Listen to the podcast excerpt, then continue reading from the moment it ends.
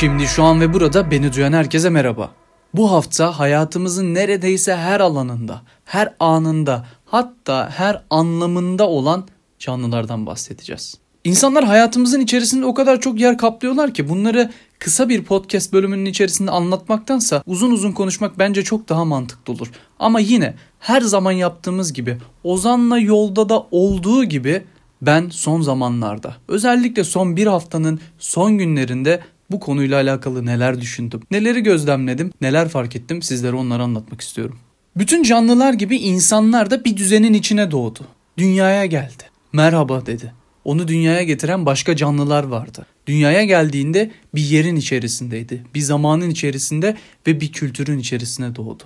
Bunların hepsinin kendine göre koşulları vardı. Yerin coğrafi koşulları vardı. Bu belki biraz güneydeydi, belki biraz kuzeydeydi ya da belki de doğu ile batı arasında bir yerdeydi. Bulunduğu yerin farklı nem ve sıcaklık koşulları vardı. Farklı bir noktada dünyaya geldiği zaman da önemliydi. Kimi dünyaya geldiğinde daha 2000'li yılların başındayken kimi ise binli yılların başında bu dünyaya geldi. Hatta bazıları dünyaya geldiğinde milattan sonrası diye bir kavram da yoktu henüz. E yer bu kadar değişti, zaman bu kadar değişti. Bunların hepsi birlikte değişirken insanın doğduğu kültür de değişiyor. Aynı yerde doğmuş olabilirdiniz ama aynı zaman içerisinde doğmaya da bilirdiniz. Aynı zaman içerisinde doğdunuz, aynı yerde, aynı kültürde de doğmayabilirsiniz. Aynı kültürde doğdunuz ama sizden önce doğanlarla yeriniz ve zamanınız farklıydı. Bu kadar değişkenin arasında kim haklıydı? Kim en doğru zamanda kim olması gereken yerde doğmuştu? Ya da birinin doğumu diğerine nasıl bir avantaj sağlıyordu? Bu soruları insanlara sorsak, ne kadar çok insana sorarsak o kadar farklı cevap alabiliriz. Bir düzenin, bir ortamın içerisinde doğduğumuzu söyledim. Ancak biz doğmadan önce zaten bu ortam şekillenmişti. Her şey hazırdı. Kültür oluşmuştu. Zaman belliydi. Mekanın, yerin şartları oluşmuştu. Ve biz dünyaya geldik ardından. Dünyaya geldiğimiz andan itibaren ebeveynlerimiz oldu hayatımızda. İlk derslerimizi, ilk öğrenimlerimizi onlardan aldık. İlk öğretmenlerimiz onlardı.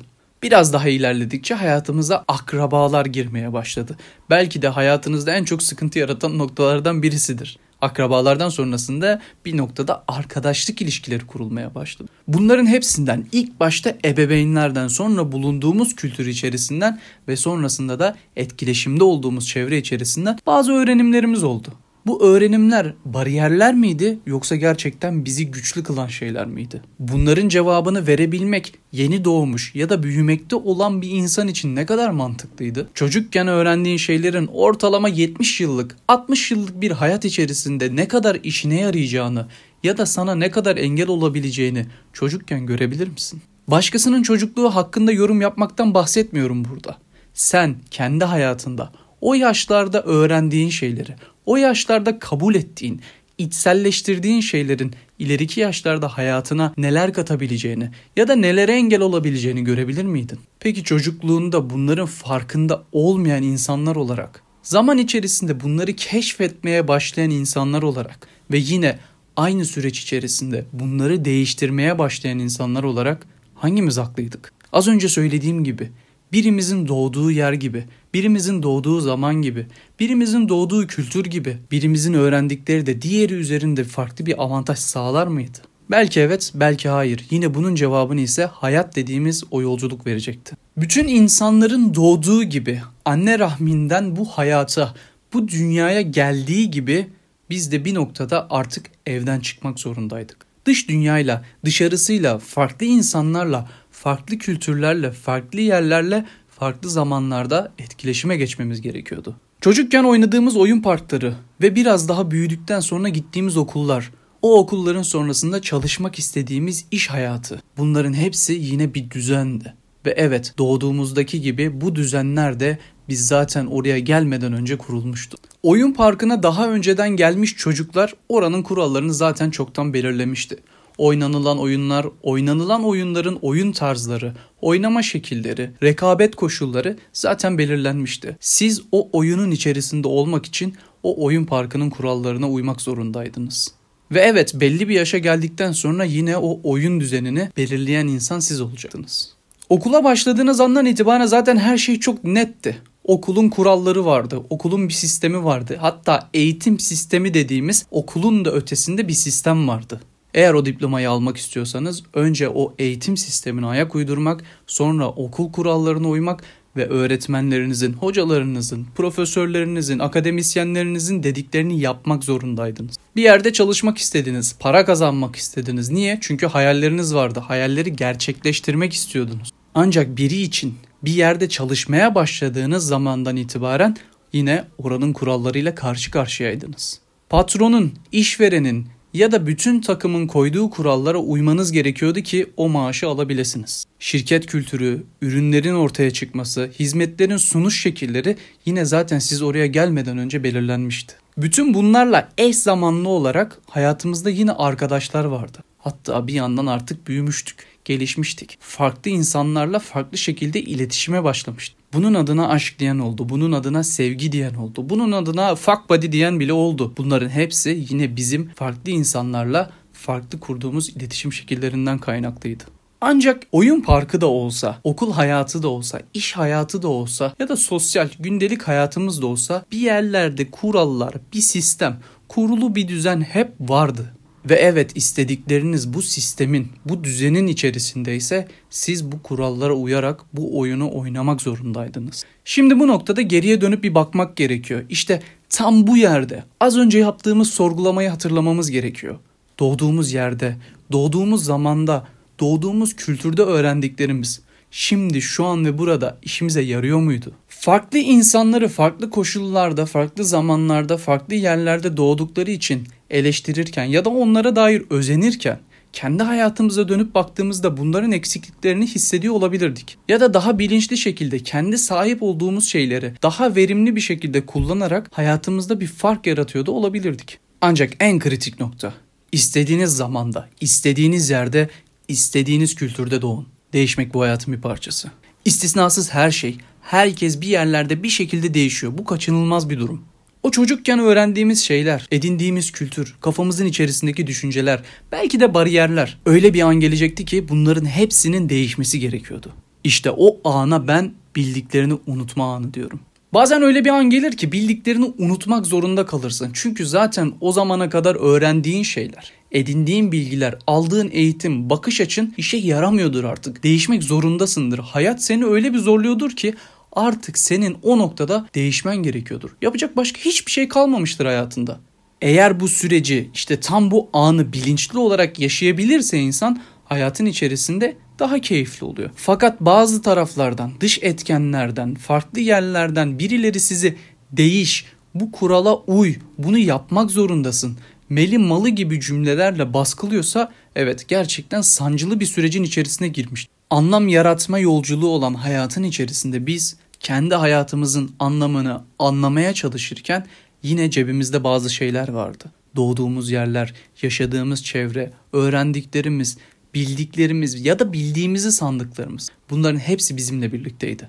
Ve biz bunları bir şekilde birilerinden, bir şeylerden, bir sistemden, bir kaynaktan, farklı noktalardan öğrendik. Benim için kırmızı şu an üzerimdeki tişört de olabilirdi ya da başka birisi için kırmızı sadece elmanın kırmızısından ibaretti. Yaşamın içerisinde zorluklar hep vardı. Oyun parkında düştüğünüz zaman dizinizin acıması da bir zorluktu.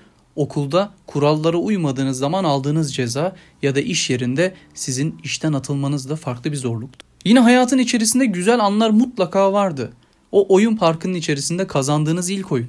Okulun içerisinde aldığınız ilk en yüksek not. İş hayatında aldığınız terfi ya da bir kadına, bir erkeğe sarıldığınız, onu öptüğünüz o ilk an. Bunların hepsi çok güzeldi. Hayatın içerisinde başarı, mutluluk, hüzün, sevinç, coşku, sevgi bunların hepsi bir şekilde bir yerlerde vardı. Bunları bize getiren insanlar, ortamlar, koşullar bir şekilde değişiyordu.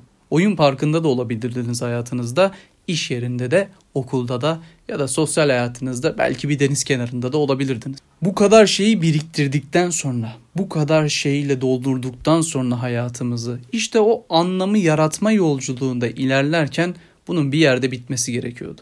Nasıl ki doğduğumuz anda bu dünyaya geldiğimiz gibi bu dünyadan da bir şekilde ayrılmak gerekiyordu. Ölüm dediğimiz bu anın içerisinde sonrası ne olacağını bilmediğimiz bir şekilde öncesini nasıl hatırlamak isterdiniz? Bütün hayatı yaşama şansınız vardı. Bütün duyguları tadabilme şansınız vardı. Siz geride nasıl bir şey bırakmak isterdiniz? Doğduk, yaşadık ve öldük. Hayatlarımızı yaşarken, bütün bu anlattıklarımızın içerisinde bulunurken en az bir tane insan ya yanımızda, ya aklımızda, ya kalbimizde var. Hatta başka bir açıdan en az iki tane insan var ki siz bu dünyaya gelebildiniz. Hayatlarımız birbiriyle kesişirken birbirimize karşı engel mi oluyoruz, çözüm mü oluyoruz bunu kimse bilemiyor.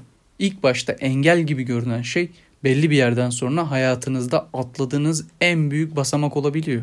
Öldüm, bittim, artık buradan kalkamam dediğin nokta senin yeniden doğuşun da olabiliyor. Ve evet en başta söylediğim gibi insanları anlatmak sadece bir bölümle olabilecek bir şey değil. Çünkü insanın kendisi zaten başlı başına derin bir konu. Ancak hayatımızda yaşadığımız şeyler, ancak hayatımızda tattığımız şeyler farklı yerlerde, farklı zamanlarda, farklı kaynaklar aracılığıyla gelebiliyor. Hepimiz farklı şeylerden kaynaklı sevinç duyduk. Hepimiz farklı şeylerden kaynaklı üzüldük. İnsanların bu karmaşık hikayesini anlatırken hepimizin insan olduğu bilinciyle hareket ederek ancak farklı bir noktada hepimizin de farklı özelliklere, farklı karakterlere sahip olduğunu bilinciyle hareket ederek hepimizin farklı olduğunu da hatırlamak gerekiyor. Evet bir insanı diğerinden farklı yapan şey doğduğu yer, doğduğu koşullar, doğduğu zaman olabilir. Ancak bu diğerine göre, farklı bir insanın hayat hikayesine göre ne bir fazlalıktır ne de bir eksiklik. Okuduğum bir kitapta zihnime kazınan bir cümle var. Bir zihnin gelişmişliği kabul edilmezi kabul edilebilmesiyle ölçülür. İşte burada o bildiklerini unutma anına tekrar dönelim. Şimdi bildiklerinizi unutun ve herkesin, her şeyin aslında kendi hayatlarında, kendi yolculuklarında özel olduğunu hatırlayın ve bunu kabul edin. Sen de özelsin, ben de özelim ve bunu dinleyen herkes de özel. Bundan sonraki en büyük gücünüz şimdi şu an ve burada bunları duyup bunları kabul edip bunları hayatınızda uygulamak olacak bence. Ozan'la yoldanın içerisinde yeni bir haftaya ölçmeyi sevdiğimiz o zaman içerisinde yeni 7 gün 24 saate başlamış bulunuyoruz. Burada aklınıza bir tane soru yerleştirmek istiyorum. Doğduğunuz yeri unutun. Doğduğunuz kültürü unutun. Doğduğunuz zamanı unutun. Bu zamana kadar aldığınız bütün eğitimleri bir kenara bırakın. Size verilen sıfatları bir kenara koyun. Adınızı unutun. Bunların hepsi olmadığında siz kim olacaksınız? Herkese keyif, coşku ve bu sefer ekstra olarak anlayış dolu bir hafta dilerim.